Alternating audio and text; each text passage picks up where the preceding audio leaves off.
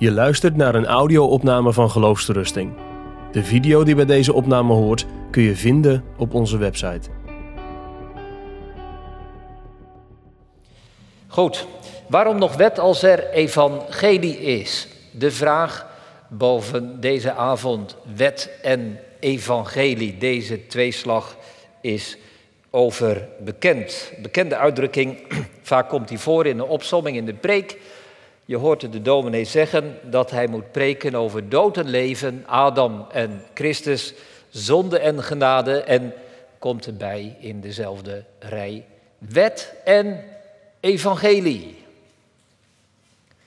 Wet en evangelie. Volgens Luther kunnen we de hele Bijbel samenvatten in deze twee zaken.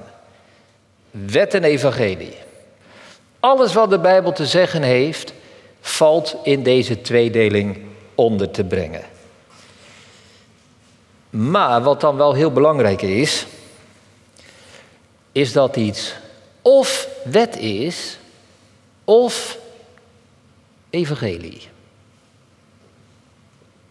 Niet allebei tegelijk. Het is het een of het ander. Het evangelie is niet een nieuwe wet en de wet is niet een soort van evangelie. Het is of wet of evangelie. De titel boven de avond is Waarom nog de wet als er evangelie is. Ik ga straks zeker in de tweede lezing daar uh, uitvoerig op in, maar ik heb mezelf een lange aanloop gegund. Dus voor al in deze eerste lezing wil ik daarop inzetten op dat of-of. Want stel je voor dat je een preek hoort en de dominee zegt: Ik moet wet en evangelie brengen. Dat is waar. Maar als jij voortdurend denkt: Heeft het nu over de wet of over het evangelie? En vijf minuten later denk je: Is dit nu evangelie of is dat wet? Ja, dan gaat er wel iets heel belangrijks fout. Het is ontzettend nodig dat wij weten wat het onderscheid is tussen wet en evangelie. Dat is niet maar iets dat de theologen moeten weten, maar waar het leven van iedere christen mee begint. Dat jij weet wat het verschil is tussen wet en evangelie. Nou, hier komt het onderscheid. Alles wat geboden bevat, bevelen bevat, aansporingen, bedreigingen, opdrachten, vervloekingen, dat is wet. Alles wat in deze categorie valt is wet. En er tegenover alles wat beloften bevat, wat een woord van vrede is, wat over genade gaat, niet gaat over wat wij aan God zouden moeten geven, maar wat God aan ons geeft, wat Hij doet, wat God schenkt, dat is evangelie. Het is van tweeën één, wet of evangelie. Ik geef een voorbeeld uit hoofdstuk 3 van de gelaten brief. Het gedeelte dat wij gelezen hebben. Als wij vers 10 in dit hoofdstuk lezen, vervloekt is ieder die niet blijft in alles wat geschreven staat in het boek van de wet om dat te doen, dan hebben we te maken met de wet. Die vervloekt. Maar drie versen verderop staat het evangelie. Christus heeft ons vrijgekocht van de vloek van de wet door voor ons een vloek te worden. Want er staat geschreven, vervloekt is een ieder die aan het hout hangt. Dat is geen wet, dat is evangelie. Wel, deze twee, wet en evangelie, hebben hun uitwerking op ons. En ze hebben verschillende uitwerkingen. Dus de wet is goed en het evangelie is goed. Maar de uitwerking die de wet op ons heeft en de uitwerking die het evangelie op ons heeft, die verschillen enorm. De wet, luister goed, de wet heeft geen enkele positieve uitwerking op ons. De wet heeft geen enkele positieve uitwerking op ons. Er staat in Gelaten 3, vers 23, wij worden door de wet bewaakt als gevangenen opgesloten. Dus die wet is een, ja, iets, iemand die ons bewaakt en opsluit. En het is goed dat misdadigers opgesloten worden, maar de uitwerking op wat een misdadiger voelt, is natuurlijk negatief. Wij vinden het niet fijn om opgesloten te zijn. De Bijbel gebruikt dit beeld voor de functie van de wet. Wij komen in opstand, wij verzetten ons, wij voelen ons opstandig als de wet zijn werk doet. Het omgekeerde is ook waar over het evangelie. Het evangelie heeft geen enkele negatieve, maar alleen maar positieve uitwerkingen op ons. Dus laat ik dit zeggen als een vuistregel voor vanavond. Als er iets is dat een negatieve invloed op jou heeft, is het de wet.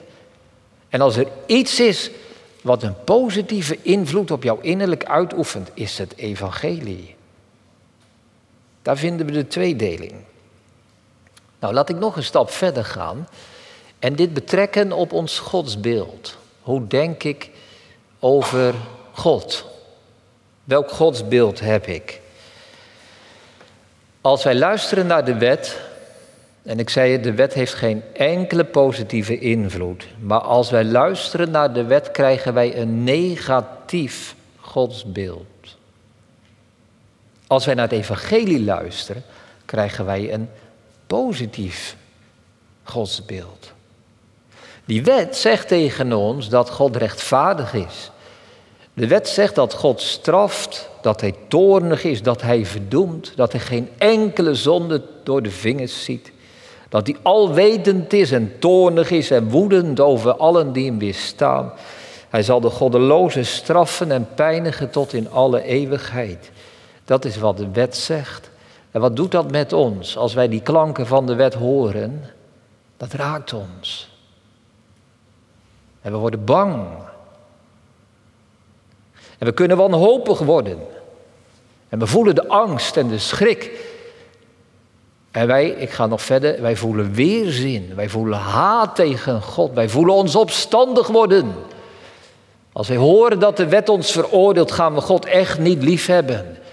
Maar wij willen bij hem vandaan vluchten en we voelen de weerzin en de boosheid in ons hart.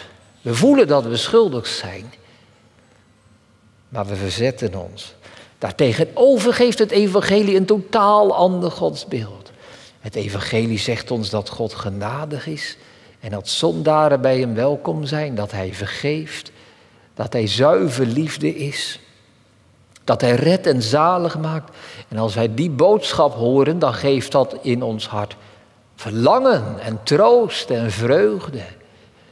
We krijgen goede gedachten over God. We voelen ons bemoedigd. Misschien is er wel zaligheid voor mij. Dat is de uitwerking van het evangelische godsbeeld. En dan die vraag, wat is nu het juiste godsbeeld? Wet of evangelie? Nou, die wet is goed. Maar een godsbeeld niet. Luther zegt, heel veel wat ik vanavond zeg heb ik trouwens bij Luther gevonden in zijn commentaar op de gelaten brief voornamelijk. Maar Luther zegt, God draagt in de wet een, een masker, een mombakkes. Hij verbergt zijn echte gezicht en hij zet een masker voor, waardoor wij de vreemde God ontmoeten. Zo zegt Luther dat. En wij zien door de wet een God waar we van huiveren.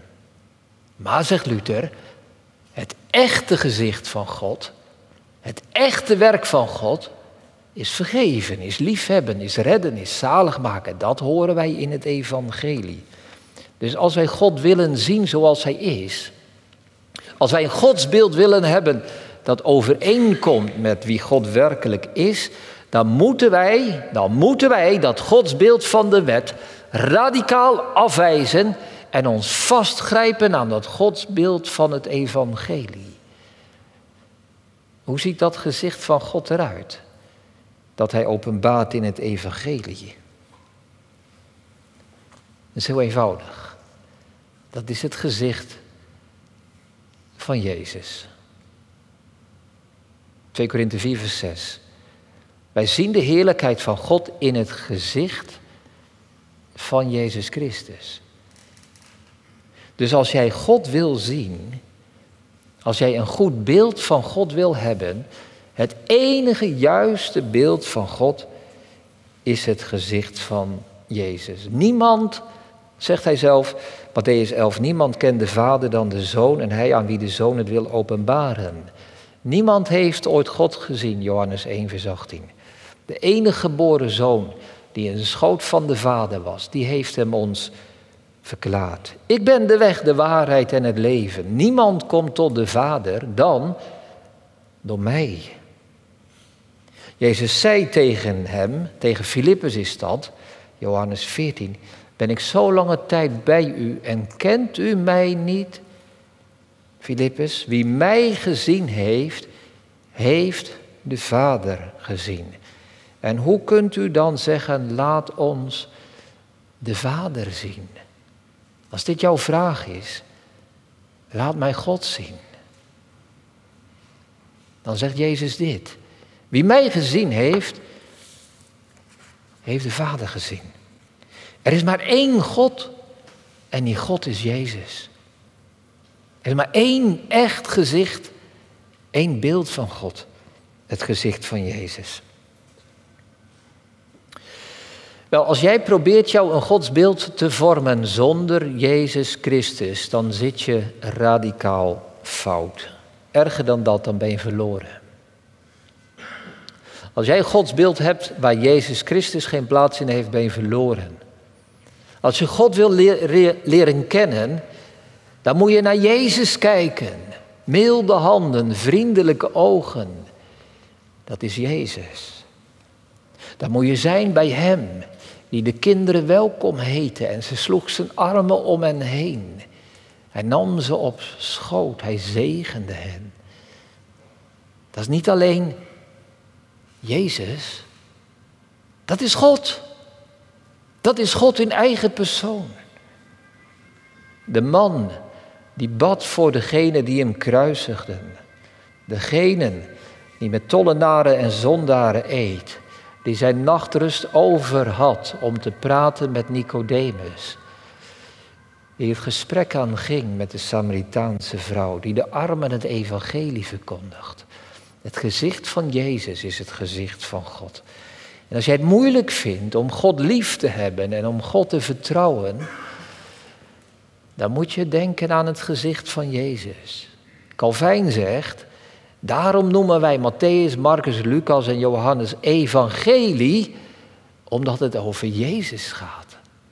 De goede boodschap over God, het goede godsbeeld, komt samen in Jezus. De persoon van Jezus is evangelie en evangelie is de persoon van Jezus. Nou, wat ik nu gezegd heb, is niet moeilijk. Het is of wet of evangelie. Het is of belofte of bedreiging. Het is of vloek of zegen. Dood of leven. Eén van beide, niet allebei. En toch in ons hart vechten die twee godsbeelden om de voorrang. Met ons hoofd is het helder. En het moet helder zijn. Maar in ons hart is die strijd gaande, die aanvechting. En als de stem van het evangelie klinkt, dan is die wet voortdurend bezig om jou een slecht beeld van God te geven. En jij moet, dat is de aanvechting, het vraagt strijd. Jij moet die stem van en dat godsbeeld van de wet moet jij bestrijden met het godsbeeld van het evangelie. Want zodra het evangelie klinkt, ook vanavond, is er een stem die bij jou zegt, ja, maar de wet. En zodra je hoort dat God genadig is, zegt die stem van binnen, ja, maar God is ook rechtvaardig. En zodra je hoort over Jezus, dan denk je, ja, maar het begint toch niet met Jezus. En zodra je hoort dat God jou de zaligheid belooft, denk je, ja, maar we kunnen de bedreigingen niet overslaan. Dat is aanvechting. Dat is een strijd. En weet je nog wat ik aan het begin zei? De wet bedreigt en eist. Het evangelie geeft en belooft. En het is of, of. En je kunt niet twee godsbeelden in jouw hart allebei naast elkaar toestaan. Wat is jouw godsbeeld? Waar kies je voor? Hoe wil jij God zien? Hoe wil jij tot Hem naderen? Is het de dreigende God van de dreigende wet? Is het die God die jij diep van binnen haat? Of kijk je naar dat gezicht van Jezus Christus, zoals in het Evangelie is geopenbaard? Daar valt de beslissing.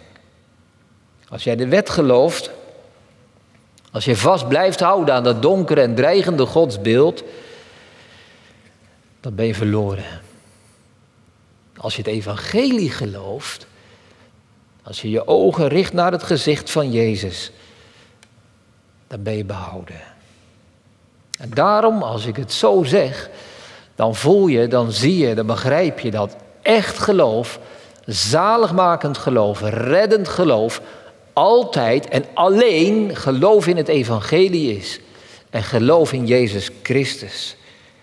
Het is altijd geloof in de zaligmaker. Waarom? Wel, het is verschrikkelijk om de wet te geloven. Het maakt je wanhopig, het maakt jou dood als je de wet gelooft.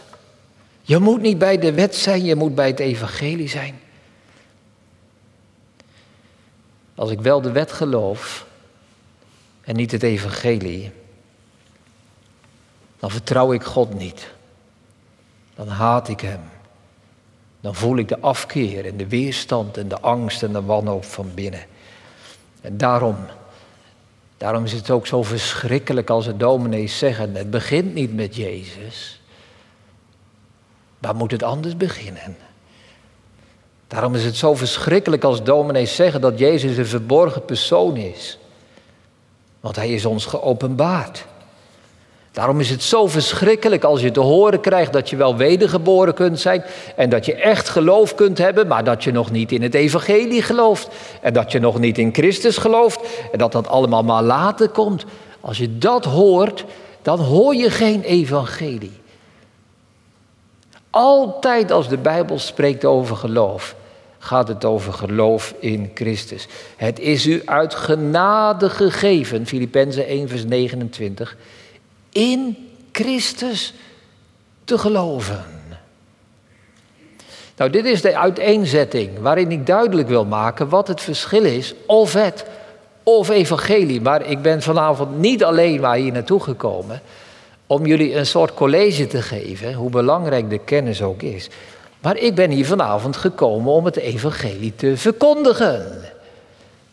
Dus wat we nu gehoord hebben, gaat over ons.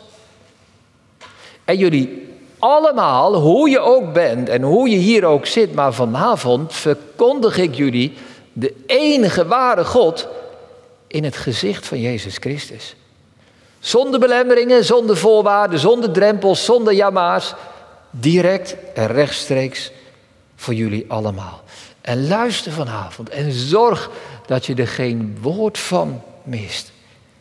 Want dit evangelie van de ware God Houd in dat deze liefdevolle God jouw vergeving van zonde geeft. Jou het eeuwige leven belooft. Al jouw zonden uitwist. Genade geeft. Rust. Vreugde. Blijdschap. In je hart. Hij gaat de duisternis verdrijven. Hij trekt je naar zijn wonderbare licht.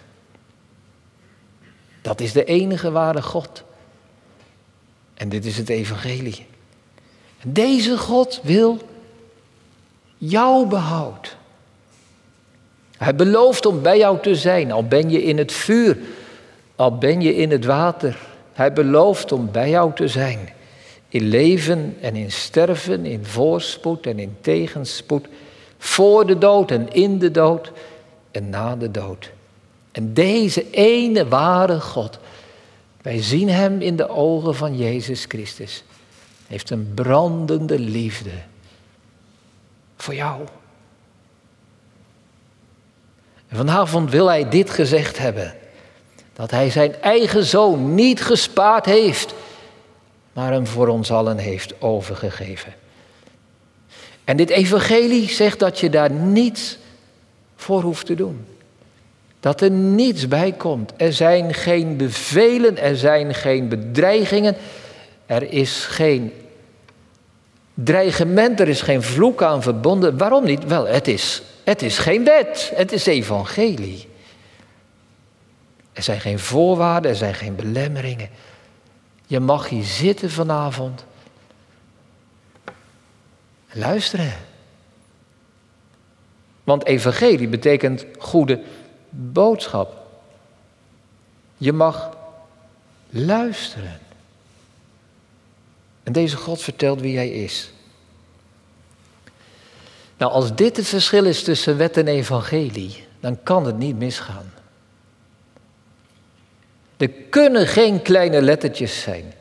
Het kan niet stuk lopen op onverwachte, onvermoede, ongeziene voorwaarden en belemmeringen. Hoe weet ik dat? Omdat het evangelie totaal niet wet is. Alles wat bij voorwaarden en verplichtingen en noem maar op te maken heeft, allemaal wet. En het evangelie is niet wet. En daarom kan ik hier staan en met alle kracht, alle kracht en duidelijkheid aan jou beloven dat je niet bedrogen uitkomt.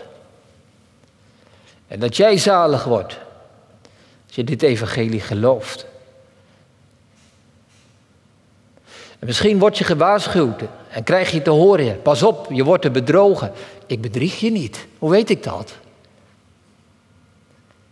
Stel je voor dat ik hier vanavond wel mensen zou bedriegen. Hè? Ik heb mezelf die vraag vaak genoeg gesteld. Stel je voor dat ik mensen bedrieg. Maar ik bedrieg jullie niet. Hoe weet ik dat? Omdat het evangelie geen wet is. En omdat het evangelie alleen maar belofte is. En omdat het evangelie geen enkele voorwaarde heeft. Hoe weet ik dat ik mezelf niet overschreeuw? En dat ik jullie niet overschreeuw? Omdat wij het evangelie zien in de ogen van Jezus Christus. Omdat de wet bedreigingen bevat, maar het evangelie alleen maar beloften. Omdat de wet eist, maar het evangelie alleen maar geeft. De wet veroordeelt en verdoemt, maar het evangelie niet. Dat spreekt vrij en dat spreekt woorden van troost. Die wet maakt jou onrustig. Het evangelie brengt rust. En zodra ik ook maar één voorwaarde of één plicht of één dreigement zou toevoegen aan het evangelie, is het evangelie geen evangelie meer. Dan heb ik er een wet van gemaakt. Het is of, of, het is of wet of evangelie. Er is geen half evangelie, er is geen drie kwart evangelie. En God is niet een mengsel van wet en evangelie, allebei. Er is maar één evangelie en dat is het evangelie van Jezus Christus. Er is maar één God en dat is de God van het evangelie. Het is alles van Gods kant of niets van zijn kant. Het evangelie openbaart God en het evangelie openbaart God helemaal. De wet is het vreemde werk van God. Dat is het masker. Maar het evangelie, daar zien wij God recht in zijn vriendelijke ogen. Dit is de boodschap van het evangelie en de enige manier om verloren te gaan is om deze Jezus Christus niet te willen.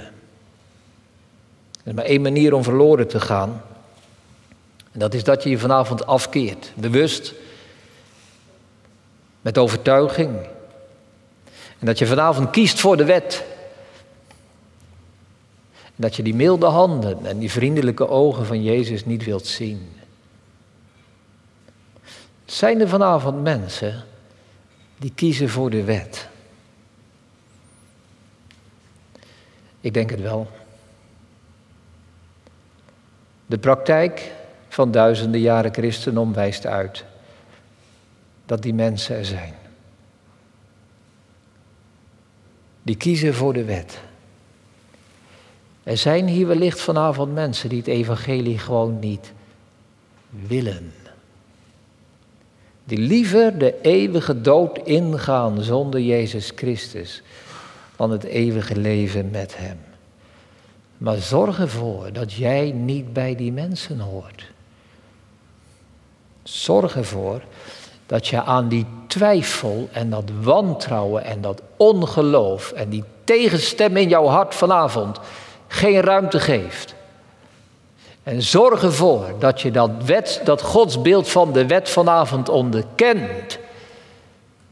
En dat je zegt, ik wend mij af van dat beeld dat de wet mij schetst van God. En ik wend mij naar de enige ware God, Jezus Christus. Geloof dit evangelie.